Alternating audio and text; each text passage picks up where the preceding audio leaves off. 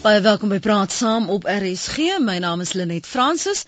Dankie dat jy RSG as jou gespreksgenoot kies elke oggend, weeksoggende tussen 8 en 9 natuurlik vir Praat Saam.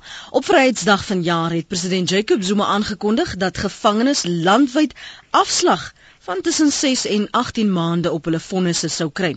Van die sowat 43798 gevangenes wat vrygelaat is, is daar sowat 90 weer in hegtenis geneem weens oortredings, verskillende misdade. 20 is weer in howe skuldig bevind. En vanoggend in praat saam vra ons die vrylating van gevangenes op Vryheidsdag, wie het gebaat?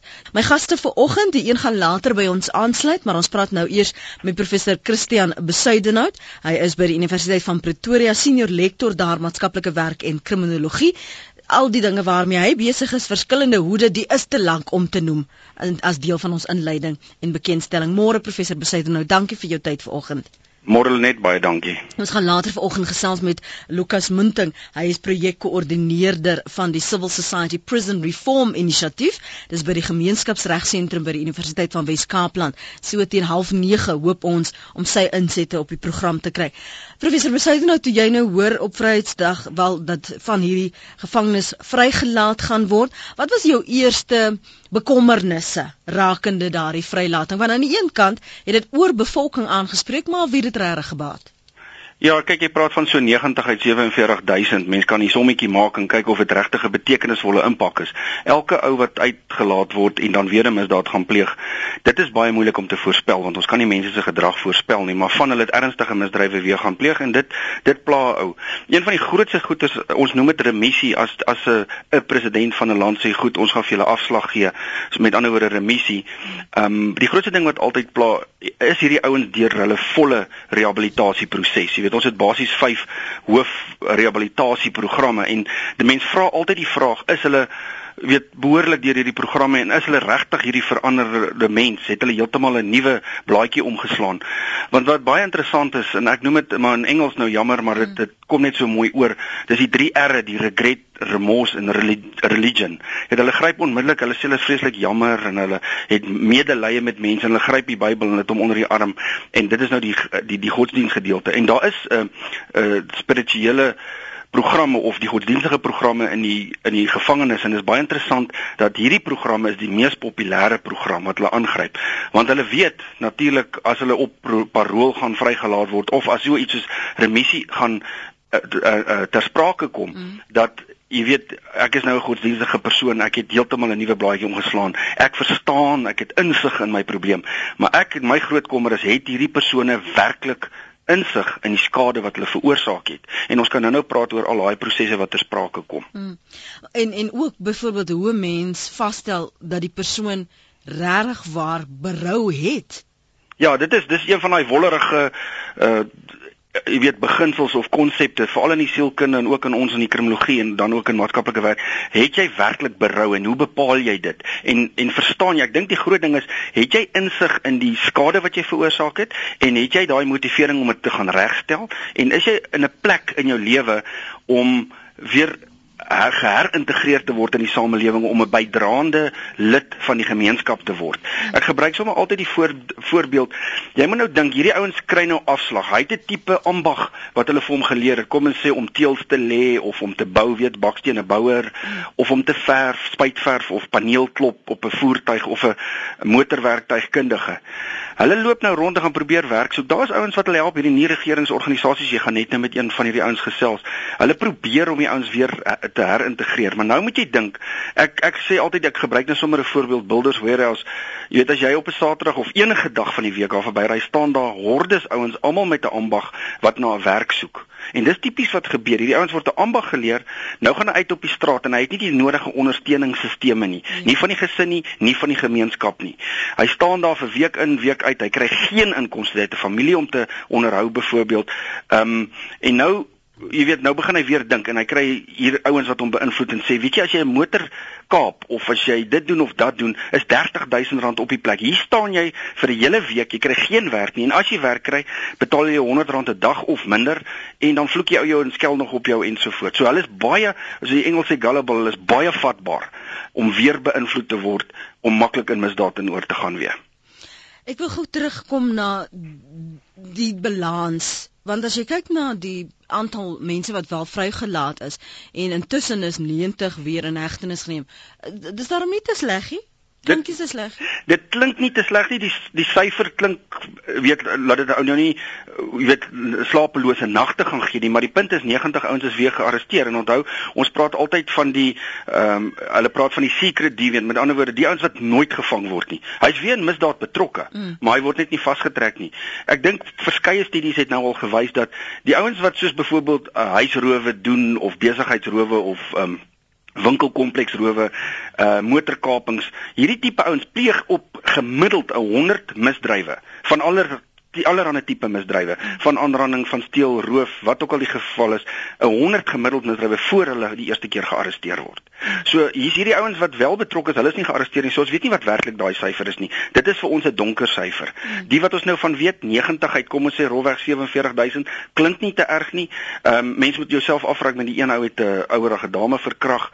So dit dit is weer 'n baie ernstige oortreding. Ek kan daarom dit noem dat die wetgewing sodanig verander is dat ouens minimum 'n st strafoplegging kry. Dit beteken hierdie ou wat nou op remissie uit is en hy het nou verkrag. As dit sy tweede oortreding is, dan uh, stoot hulle sy tyd in die tronk op. So in so 'n geval sal hy byvoorbeeld sê nou maar hy sou net 20 jaar gesit het, sal hy nou moet lewenslank sit. Dis 'n tweede fase van sy strafoplegging. So hy sal nou nie sommer gou weer in uh, aanmerking kom vir so iets nie. Hy het sy kans gehad, hy het dit heeltemal misbruik. So hierdie ou gaan nou sit vir 25 jaar lewenslank. Wil... Dis die ergste straf wat jy in Suid-Afrika kan kry, is lewenslank wat 25 jaar is.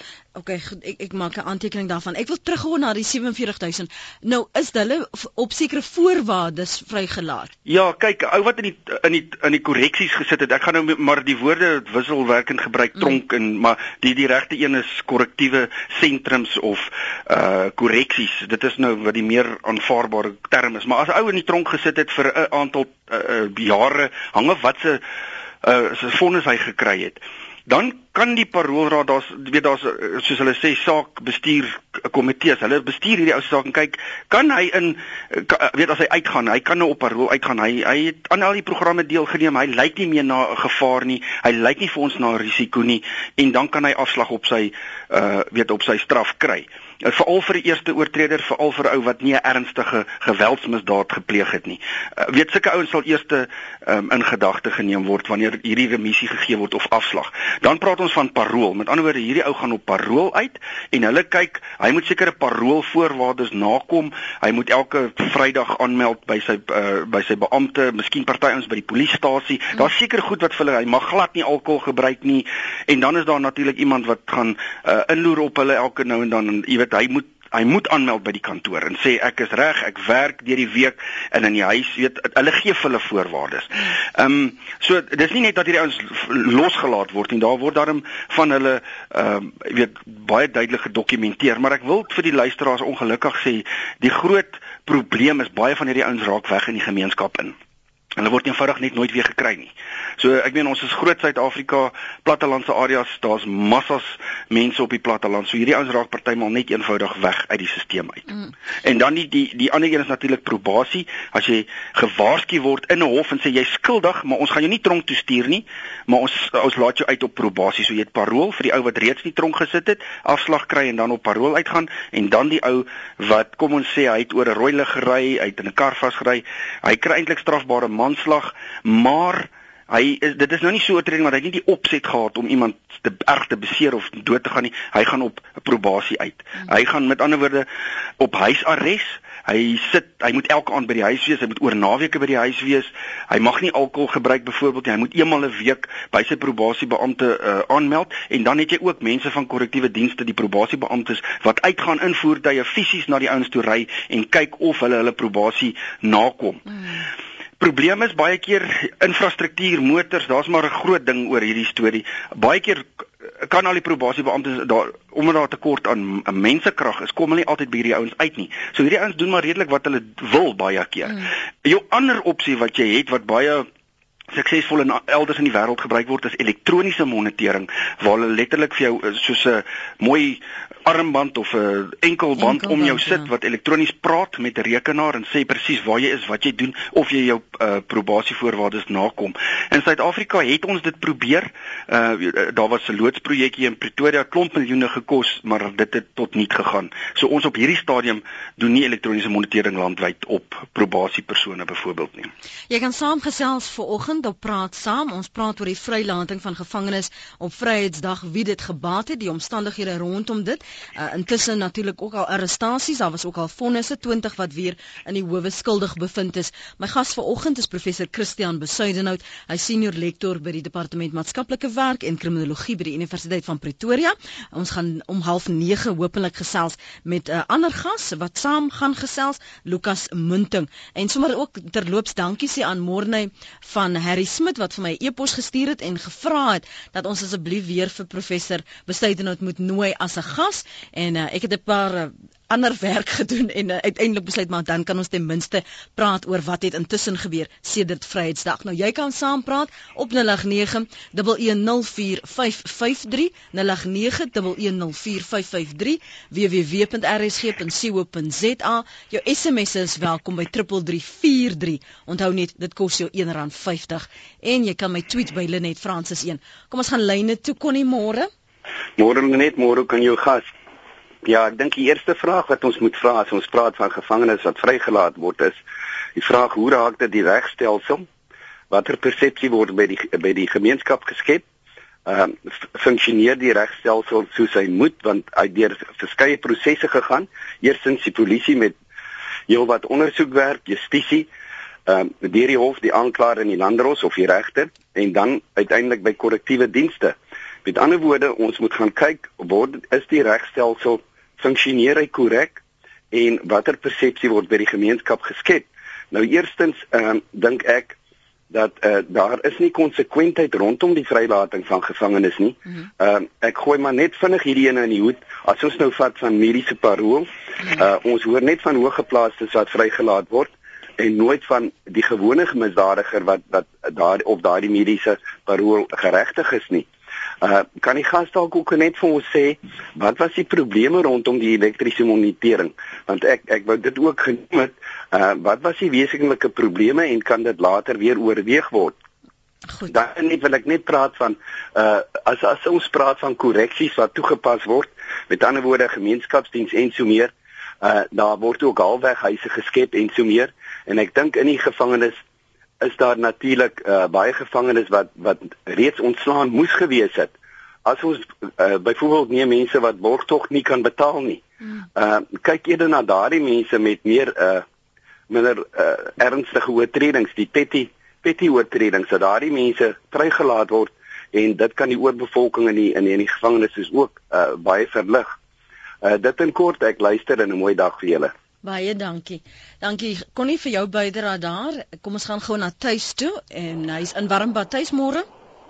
Uh, môre dan net man, eh, kom ek jou vertel, ek glo nie iemand het gebaat nie. Ons het daar by ons op 'n uh, op 'n uh, uh, lodge het ons daar weer twee mense gevang wat net toe vrygelaat is. Mm -hmm. En uh wat gebeur het is is uh, een van hulle was 'n Zimbabweër gewees en uh het gegaan om uh, verhoor te word en hulle het hom vrylating gegee om sê sorry man uh jy kan hom maar weer gaan en ons sien later dan weer by mekaar kry. Hy het 'n fake adres opgegee. Hy's weg. Ons kan hom nie weer in die hande kry nie. So op hierdie stadium is daai ons moorde pleeg. Dis ook 'n ander probleem wat ek het. Of enige ernstige misdaad doen, wie word verantwoordelik gehou dan as hy in die tronk was en vrygelaat? Goed, dankie vir die saampraat. Wie word verantwoordelik gehou? Kan 'n mens iemand verantwoordelik hou? Ek wil met 'n lang draai kom met 'n antwoord. Ons moet kyk na oorseese lande. Hulle glo dat die beste rehabilitasie in die gemeenskap kan plaasvind. Ek persoonlik dink ons land is nog nie op daai plek of vlak hmm. dat ons uit die gemeenskap uit die weet noodwendig hierdie kwai geharde ouens kan hanteer en en en weet heeltemal rehabiliteer en re, uh, weet uh, reïntegreer in die samelewing in nie. En veral baie belangrik wat hy nou net die laaste uh, inskakelaar genoem het, mm. is die feit dat ons sit met baie immigrante in Suid-Afrika. Jy weet die die syfer wat rondgegooi word is verskriklik groot van ouens wat glad nie eers vaste adresse het nie. Hulle is glad nie op enige Rika en Fika en enige stelsel nie. Hulle is nêrens nie. Daar's nie vingerafdrukke nie. So hulle kan baie maklik 'n misdaad pleeg en wegkom daarmee. Ek dink dit is een van die groot oor oorwegings ook vir xenofobie in ons land dat ja. van ons plaaslike ouens sê maar hierdie ouens pleeg eh, verskriklike misdade en kom weg daarmee presies wat nou genoem is. Ehm um, ek dink dit dit dit dit daai aanvanklike vraag oor wat is dan die beeld teenoor die regsplegingsstelsel? Die regsplegingsstelsel is verantwoordelik, maar die gemeenskap het ook 'n tipe verantwoordelikheid om hierdie aanstrug te aanvaar te herintegreer in die samelewing, geleenthede te bied. Die meeste ouens, hulle hoor hierdie ou was in die tronk sal nie vir hom 'n uh, geleentheid skep nie. Maar jy kry nie regeringsorganisasies wat regtig probeer om vir hierdie ouens sekere geleenthede te skep. Maar soos ek net nou vir jou genoem het, as ons het 'n groot werkloosheidssyfer, is baie hoog. Nou laat jy sommer 47000 ouens weer in die samelewing in uh wat ook nie gaan sommer werk kry nie.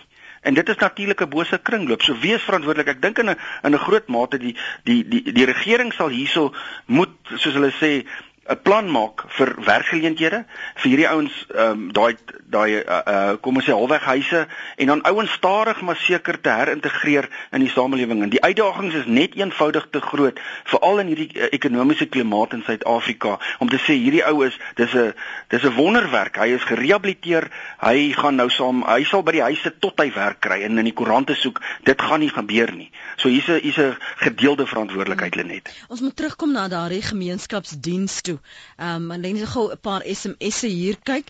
Waar is dit help nie ons die mense van Suid-Afrika lig ons mening nie. Hierdie besluite word geneem en uitgevoer. Net so sal Clive Dabeloos nie vrygelaat word nie. Dis alles 'n magspel. Dis Pikkie se SMS daardie. Uh, Johan van Kaapstad sê ek wonder of die slagoffers van die misdadiger wat vrygelaat is ook dink dat dit nie te sleg is nie. En hy sit nie te sleg nie in aanhalingstekens want ek het die woord nie te sleg gebruik nie. Johan, ek dink binne konteks het ek probeer om 'n vergelyking te tref tussen as jy kyk na hoeveel vrygelaat is in die persentasie wat intussen gearresteer is, daar's geen 'n manier wat ons die slagoffers se pyn en lyding hier nietig wil maak nie of vir te wil verklein nie. 90% van die moorde en roof op crime and investigation is mense wat reeds vorige tronkstraf uitgedien het. Dit is Rika van Alberton. Kom ons gaan gou na Louis hier in Johannesburg môre. Lenet. Ja. Ek het 'n familielid gehad wat 14 jaar in die tronk gesit het. Mm. En hy het gesê daar's geen rehabilitasie daar binne kan nie hoegenaamd nie. En die meeste ouens daar binne sê ek is onskuldig, ek het dit nie gedoen nie, ek is onskuldig, maar hulle is so skuldig soos die heng self. Nou wat het wat, waarvoor was die lid toe nou in die tronk? Moord. Vermoord. En is hy nog steeds daar? Nee. Ja. Hy is intussen by self oorlede, maar die die die die punt is dit dat hy het altyd vir my gesê There's no rehabilitation daar binnekant nie. Niks. So die die korrektiewe dienste het ook eintlik 'n plig wat hulle wat hulle redelik versuim, dink ek. Ek weet wel daar is programme, dit weet ek wel. Hoe effektief dit is, dis 'n ander vraag. Ja, maar dis die punt. Hy het gesê programme en programme en programme en dan op die ou end die meeste van hulle voltooi nie eers die programme nie. Ek wonder of hulle onder verpligting is. Louis, dankie vir die saamgesels. Is hulle onder verpligting om dit te moet bywoon en deel daarvan te wees? Streng gesproke, maar baie van hulle kyk is maar 'n ding met die menseregte ding. Jy weet, ehm um, hulle kan en dit is die waarheid baie van hulle sit die hele dag ledig. Hulle gaan werk in buite in die tuin of hulle sit net eenvoudig en hulle stel nie belang in hierdie goedes nie. Veral ouens wat langerige uh vonnisse het, ba daar's baie bende aktiwiteite in veral die mans gevangenisse. Jy weet ons praat van so on, ons het ongeveer 240 korrektiewe sentrums of tronke in ons land mm. wat bestuur moet word en die personeel rasio met die gevangenes is baie laag. Dis een van die nadele van die personeel is betrokke by allerlei uh bedrieglike aktiwiteite bedrog en hulle word omgekoop. So dit is waar die, wat nou net gesê is dat 'n groot aantal van hierdie ouens is eenvoudig nie betrokke nie. Wat ek net nou genoem het, godsdienst is is baie keer populêr, maar jy moet nou weet oor naweke byvoorbeeld en in die aande is daar gewoonlik die sogenaamde skeleton staff, die middernagskof ouens baie minder uh Ja, daar kan allerlei goeters gebeur. En ek dink ek dink die die bendes het 'n baie groot invloed op weet ouens se persepsies en jy weet hulle moet daar wees, hulle hulle die 25, 26 en die 27 die nommer bendes. Jy jy weet jy het verskillende tipe bendes, hulle het elkeen 'n funksie en hulle speel 'n groot rol in wat ouens uh doen en nie doen nie mm. en hoe hulle beïnvloed word en so voort. En, en dan natuurlik die klomp wat net eenvoudig ledig sit en sê ek is verveeld, ek weet ek ek wil dit nie doen nie. Jy weet, maar daar is eybed hierdie waar hulle volwassenes probeer leer lees en skryf want baie van die ouens wat inkom partymal kan nie lees of skryf nie so hulle probeer dit. Hulle probeer hierdie spirituele programme. Hulle probeer konflikhantering, jy weet sekere vaardighede vir die ouens aanleer. Daar daar's allerlei goeder wat wel in wat, wat beskikbaar is, maar nie almal neem deel daaraan nie. Hier skryf 'n luisteraar Dankie vir die program. Ek werk vir gemeenskapskorreksies. Die probleem is die feit dat die departement het nie fondse vir eksterne service providers nie. Die geld word op ander dinge spandeer. En dis 'n beswaar, dis 'n SMS daarin. Ons het intussen ook 'n SMS gekry van 'n uh, anoniem wat wel vrygelaat is. Ons gaan toets of anoniem bereid is om op lig te gaan en te praat oor uh, sy of haar dankbaarheid want dis wat die SMS sê. Ek het wel gebaat by vroeë vrylating. Hier is anoniem op die lyn. Kom ons hoor gou wat anoniem sê môre anoniem. Môre Lenet. Baie dankie vir jou SMS. Kom ek lees gou wat jy geskryf het vir ons luisteraars en dankie dat jy bereid was om op lig te kom. Ek het gebaat by vroeë vrylating op 15 Mei 2012. Ek is ten volle gerehabiliteer. Parol verstryk 22 September 2012. Ek is so dankbaar. Wat het in, wat het intussen gebeur? Jy sal agterkom ek sê nie waar jy is nie, nê? Nee? Ja, ja, baie dankie daarvoor. Goed sê vir my wat het intussen gebeur na jou vrylating? Hoe moeilik maklik was dit? Dit is baie maklik en ehm um, ja, ek het ek het weer my werk terug en ek soos ek sê ek is in volle gerehabiliteer en dit is net wonderlik om weer daar uit te kom, maar ek moet ook sê dat dit het my net goed gedoen om daar binne te wees want 'n mens, dit is nie elke mens wat daar deur gaan nie. Hoe lank was jy daar binne? Net 'n maand en 'n half en toe kom hierdie ding van die vroeë vrylating en natuurlik goeie gedrag en so meer het alles laat uh, in werking tree. Glo jy dat die maand genoegsame tyd was vir jou om tot ander insigte te kom oor jou bedrog? Definitief, definitief, maar ek moet sê dat daar uh, daar net 'n luis, uh, luisteraar geskakel oor die rehabilitasie en dit is definitief so dat daar is nie eintlik rehabilitasie in die tronk nie. En waar jy ek wil nou nie jy moet sê waar jy was daai maand die, die aanpassing terug by die werk, jou kollegas en die gemeenskap en familie se familie eh uh, familie baie ondersteunend. Ehm um, die kollegas weet natuurlik nie dit is eh, 'n uh, ander opset maar ehm um, ja ek ek ek het geweldige ondersteuning gekry van almal en tot vandag toe nog. Sê vir my om om vir daai maand wel agter tralies te wees wat wat 'n impak het dit op jou siege gemaak? Dit is ek dink 'n mens ondervind dit as 'n mens daar aankom. Ehm um, en en wat vir my vir die persoon wat binne in is, is dit baie beter as vir die mense wat buite is. Ehm um, want die mens weet jy kan jouself stil teen alles en dis baie hartseer en alles, maar die mense buite is baie onseker want hulle hoor hierdie dinge van binne. Maar ehm um, is bekommerd dat jy dit sal kan maak en sal deurtrek en sal deurbring. Die jy jy dit is makliker vir die, vir 'n persoon binne mm as die, as jou as jou geliefdes en jou naasbestaandes buite. Want hulle moet met daardie werklikheid saamleef. Dis reg. Jy in die in die weet nie wat aangaan daar binne nie en so meer. Mm. En en wat het jy so jou jou rotine nou sedert die vrylating is wat?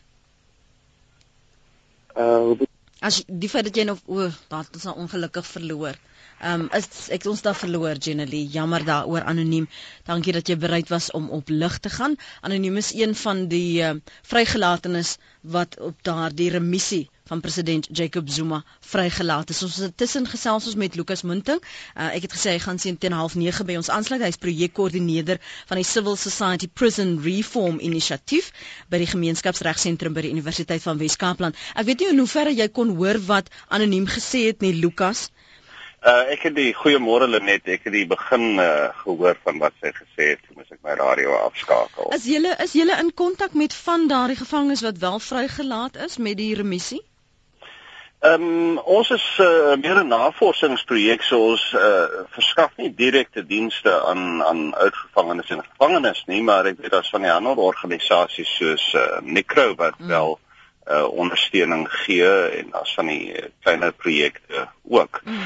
Uh maar dit is miskien belangrik om te sê dat die die nie regeringsorganisasies wat wel dienste verskaf aan uh, uitgevangenes probeer baie hard, maar uh hulle het nie naaste by die kapasiteit en die vermoëns om aan die behoeftes te te voldoen nie. Hmm. As ons 'n aanmerking neem dat daar omtrent so 'n goeie 4000 gevangenes per maand in Suid-Afrika vrygelaat word, ehm um, dan uh, benodig dit 'n baie baie wyd verspreide intervensie word die geld volgens julle reg bestee. Een van die luisteraars sê hulle doen diens binne binne tronke en binne gevangenisse en voel die geld word nie reg aangewend nie. Iemand anders beweer daardie rehabilitasieprogramme uh, maak nie werklik 'n impak nie. Wat bevind julle?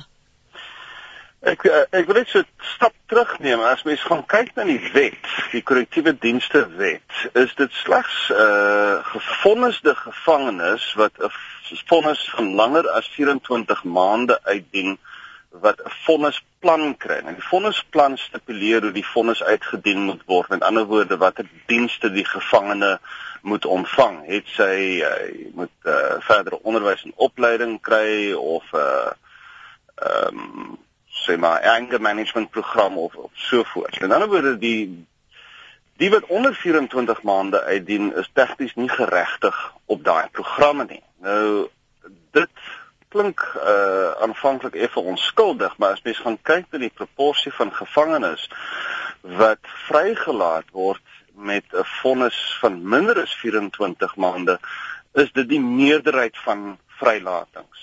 So die meerderheid van die departement se uitset, mm. as mens dit so kan noem, ehm um, is mense wat nie vonnisplanne gekry het nie. Hulle besluit om die besluit om om hulle vry te laat, die van onder 24 maande, word ook nie deur 'n paroolraad geneem nie, dit maar word deur die hoof van die gevangenis geneem. So mense kan aanvaar daar's ook nie die die uh, waarskynlik nie dieselfde deurdagtheid met die met die besluit nie. Ehm um, maar om dan meer spesifiek jou vraag te antwoord, uh, dis so 2 jaar gelede het die geregtelike inspektoraat uh, verslag gedoen dat ongeveer so 15% op die meeste van gevangenes, gevonniste gevangenes, ehm um, is betrokke by enige vorm van rehabilitasieprogram. So dit sê vir ons baie duidelik dat dit is in werklikheid net die minderheid. Hmm. Ehm um, die die tweede punt daar is dat die ouens wat uitgaan op parool of op korrektiewe toesig. Ehm um, ons eie navorsing het bevind dat hulle ontvang bitter min ondersteuningsdienste en dat parool uh, grootliks gereduseer is tot 'n polisieeringsfunksie. Hmm. Ehm um, slegs so wat 3% van korrektiewe dienste se 18 miljard rand begroting word op die sosiale reïntegrasieprogram gespandeer. So dis 'n fraksie van die van 'n redelike groot begroting. Mm. Ehm um, en uh, dit is in in waarheid wanneer die ouens uitkom wat die toets regtig geslaag moet word. Uh, Mense kan goeie programme hê binne die gevangenis. Maar as die ou nie die ondersteuning kry uh, onmiddellik na vrylating nie, spesifiek vir die eerste 6 maande. Ehm um, dan plaas dit hom in 'n geweldige hoë risiko om weer terug te val in misdaad of iets verkeerd te doen. Hmm. Vinnig gou van jou kant Christian, ons wil lyn na ons lyne terugkeer. Nee, ek wil net miskien noem van daai uh, geweldsmisdadigers wat vrygelaat word dat ons residivisme koers met ander woorde die terugvalsyfer weet by by 90% is. En dit gaan juis oor daai ondersteuning as hulle uitkom, het hy regtig verander. So dis 'n geweldige groot probleem. Ek wil net noem vir jou die laaste die dame wat geskakel het, miskien net 'n interessante feit is dat ons ons tronke of korreksies is maar meestal vol mans. Ek dink daar's iets so 97% vol mans en die ander 3% is vroue. En tipies, jy weet, sy het nou uh, klink vir my as ek aflei 'n ekonomiese misdryf gepleeg en ja. jy weet een van die doelwitte van gevangenes om 'n ou in 'n tronk in te sit is afskrikking. Dat jy individueel afgeskrik word en dat jy die gemeenskap bang maak. Sê kyk as jy verkeerd doen hier is jou straf. En ek ek dink dit het in hierdie geval vir haar gewerk. Dit het 'n groot afskrikking. Sonder rehabilitasie het sy haar as afgeskrik en gesê nee wat ek is klaar met hierdie tipe lewe Manfred Jacob sê net goue regstelling oor die aspek van elektroniese monitering. Die EM program is onlangs weer van stapel gestuur. Twee lewenslange gevalle is tans deel van die program in die Wes-Kaap. Dit werk baie suksesvol en beslis deel van die toekomsvisie van die departement. Martie het 'n punt om te maak, môre Martie? Môre net. Man, ek het ek is hier van die ook van die Wes-Kaap en ons sit hier in 'n klein plattelandse dorpie, ehm um, verbonde aan 'n organisasie wat baie met die gemeenskap werk. En ons het nou 'n um, ehm, bietjie opsomming gehad van ehm um, die organisasie se lede, uh, vroue van môre waar hulle 'n geweldige probleem ondervind met kinders en mans en familie wat die rehabilitasie vind plaas in die korrektiewe dienste, maar daar vind niks plaas in die gemeenskap in hulle huise by die families nie. Hulle ehm um, weet dit is so dat ma's met kinders weer terugstuur tronk toe as gevolg van aanranding as gevolg van dwelmmisbruik, ehm um, inbrake en daai tipe van goed. En ek voel net ons moet hulle moet meer konsentreer want as daai ou terugkom mm. na die gemeenskap toe, na sy familie toe, in sy omgewing, dan verval hy terug in dit waarin hy toe hy toe hy daar uitgegaan het. Want dis al wat hy ken. Dis al wat hy ken. Mm. En as die groepsdruk so groot dat al daai rehabilitasie wat plaasgevind het in korrektiewe dienste van nul en geen waarde is nie. Maar jy dankie vir die saampraat anoniem in die Vrystaat se kind is uit op parool môre. Uh goeiemôre. Jong, daar is net 'n groot probleem. Die gemeenskap vertrou daai kinders nie. Hulle het hulle straf gekry. Hulle kry nie werk nie. Hulle lê op ander mense se nekke om dit te kry. Pensionaars, ek is hier. En dan nog die probleem daarby, hulle kleintjies en daai mense wil verstaan net nie dat daardie manne nie geld het om daai kinders te onderhou nie. Baie daar loop ons op. Hmm. Dankie vir die saampraat vanoggend daar vanuit die Vrystaat anoniem sit in Polokwane. Dankie vir die program. Ek wens ek het geweet wat ek nou weet. Ek het met iemand kontak gemaak in die gevangenis en geglo hy is ten volle gerehabiliteer. Hy het 'n vonnis van 6 jaar uitgedien maar na 3 jaar parol gekry. Hy het toe ook afslag gekry met die Vryheidsdag toelating, maar ongelukkig het hy weer teruggeval in sy ou wee. Ek moes drastiese stappe neem om van die man ontslae te raak. Ek is baie hartseer daaroor want hy het ook die ek is bekeer voorgegooi. Ek voel jammer vir mense wat werklik gerehabiliteer is en nie 'n kans gegee word in die lewe buitekant die tronk nie. Ongelukkig sal ek skugter wees as ek ooit weer in so 'n situasie kom om die persoon te help. Hoe help jy die gemeenskap om te rehabiliteer of die familie om te rehabiliteer sodat baie van die ouens en vroue nie so maklik terugval nie, Lukas? Ek dink ons ons moet regtig 'n paar stappe terugneem en tot 'n besinning kom van wat ons verwag van gevangenisstraf en in watter gevalle ons wel gevangenisstraf oplê en wat ons doen om gevangenisstraf te vermy. Die lande wat suksesvol was om misdaad onder beheer te bring, het baie indringend na daai vraag gekyk en doelbewus probeer om vir al jong mense uit die gevangenisstelsel uit te hou. Allerhande uh, programme in plek gestel. Ons spandeer uh, jaarliks 18 miljard rand um, op die gevangenisstelsel en mens moet regtig vra is dit die beste manier hoe ons uh, daardie fondse kan gebruik en is daar nie ander uh, stappe wat mens kan doen om uh, misdaad af te bring nie. Uh, ek het al soveel jong manne in die gevangenis gesien wat waarskynlik vir die eerste keer inkom net vir 6 maande, 12 maande. Hulle is uitgesluit van dienste dan vra mens jouself af wat is die doel hierso? Gaan hierdie ou enigstens iets leer hmm. wat positief is? So ons het nog nie regtig post 94 die doel van die gevangenisstelsel uh deeglik bevraagteken nie en dan daarmee saam strafoplegging in die algemeen. Hmm. Ek werk ook vir korrektiewe dienste, skryf 'n uh, amptenaar. Ek gaan vir julle 'n waarborg gee dat fondse in korrektiewe dienste werklik vir gevangenes gaan. Gratis medies, gratis kos, gratis opleiding, gratis sekuriteitsdienste. Hulle het baie meer voorregte en gratis dienste as die beamptes wat daar werk. Dan wil ek gou teruggaan na Morney van Harry Smit se brief wat e-pos wat hy aan my gestuur het, wat juis rehabilitasieprogramme bevraagteken en uitgewonder of dit genoeg gekoördineer en geïntegreer word vir die oortreders dat daar byvoorbeeld groter samewerking is tussen die privaat instansies, die staats- en die regeringsinstansies. Is daar 'n 'n breër wyeer plan dan sodat die een die ander se hand kan versterk, Christian? Ja, soos al uh, daarvoor genoem is, daar is 'n fondsplan en weet en daar's ouens wat saamwerk uit uit verskillende afdelings uit om hierdie ou se plan saam te stel oor wat dink hulle gaan hierdie ou gerehabiliteer kry. En maar soos jy gehoor het, dis maar ouens wat bietjie langer daar is.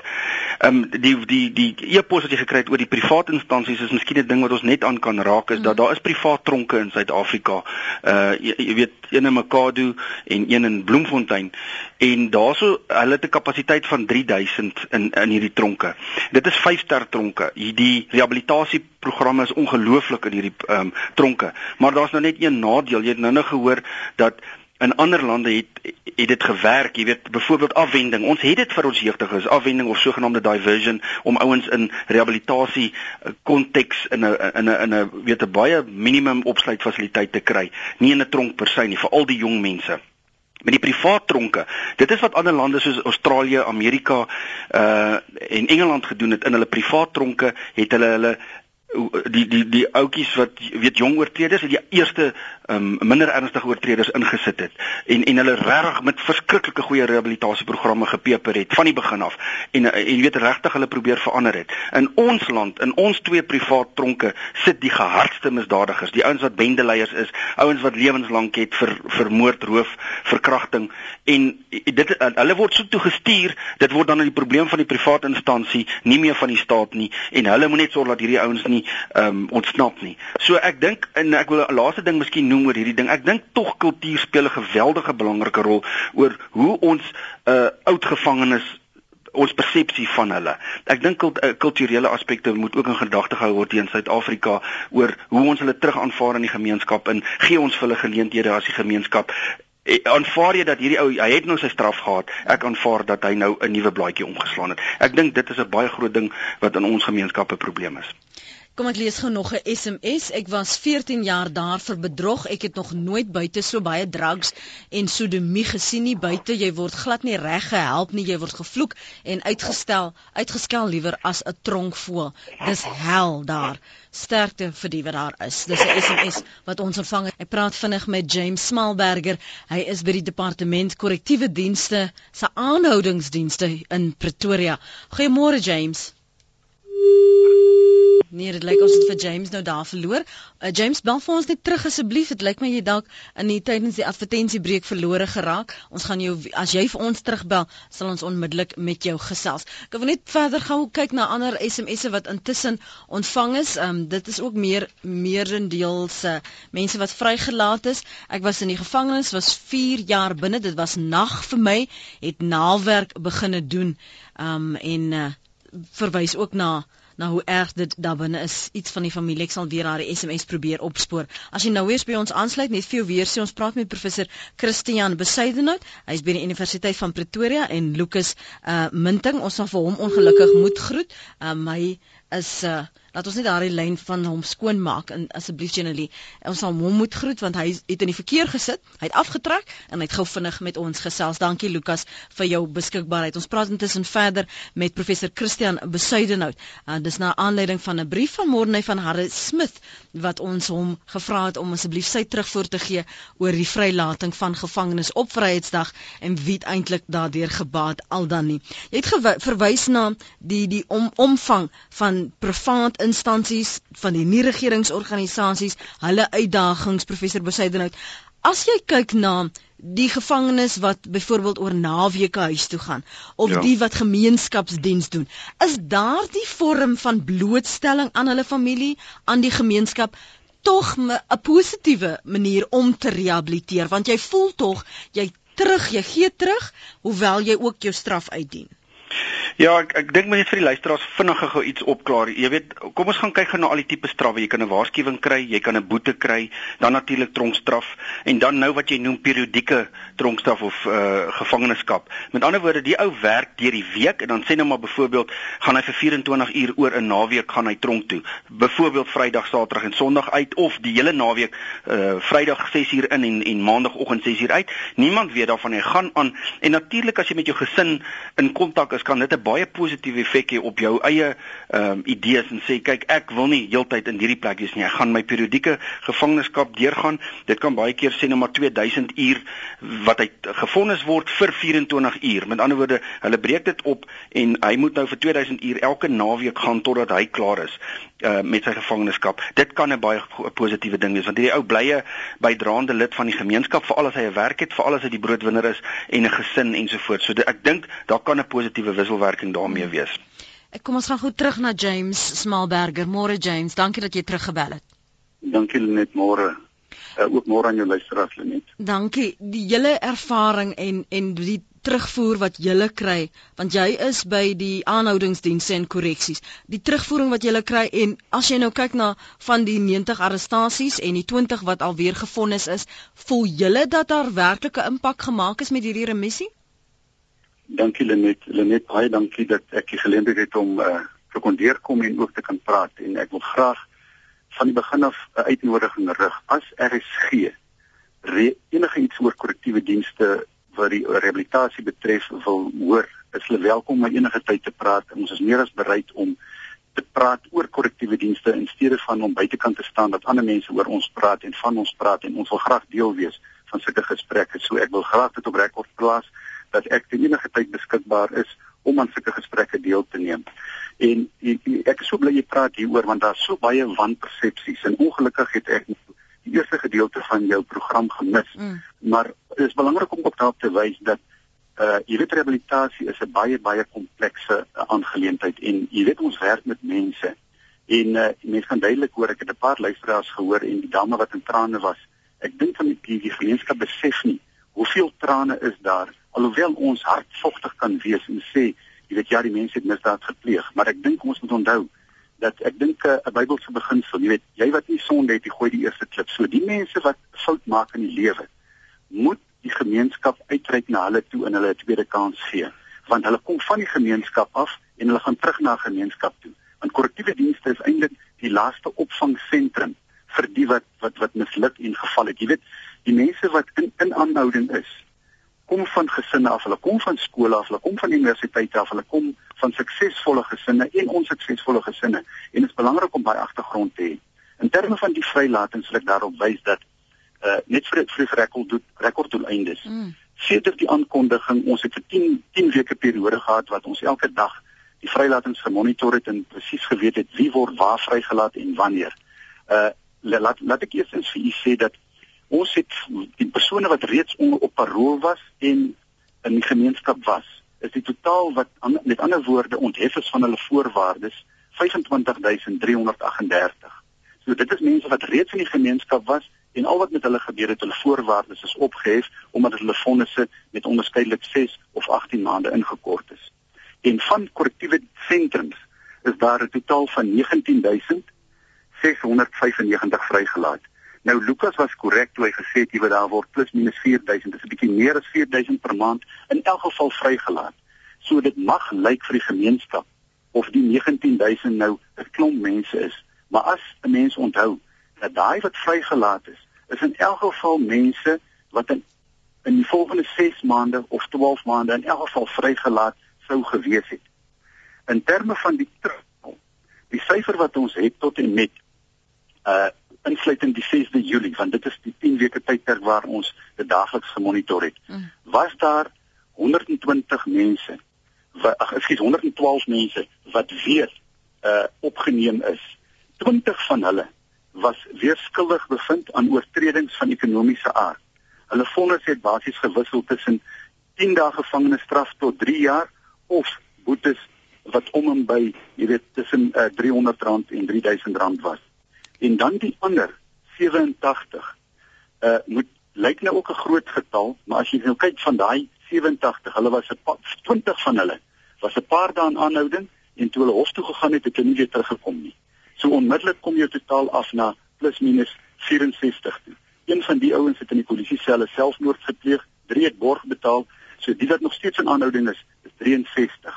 Nou as jy kyk op 'n getal van 19695 plus 25338 gee jy 45033 mense waarvan die gerapporteerde 112 teruggeval het in misdaad soos ek sê daar's party van hulle wat hof toe is en, en vrygestrik is en nie weer teruggekom het nie. Hmm. As 'n persentasie van daai is dit 'n klein hoeveelheid, dis 0,02. Alhoewel ek sê dis 'n klein totaal, sê ons in korrektiewe dienste, een is een te veel. Maar ons ons werk met mense en jy weet net daar soveel verkeerde persepsies. Ek wil graag een voorbeeld vir u noem.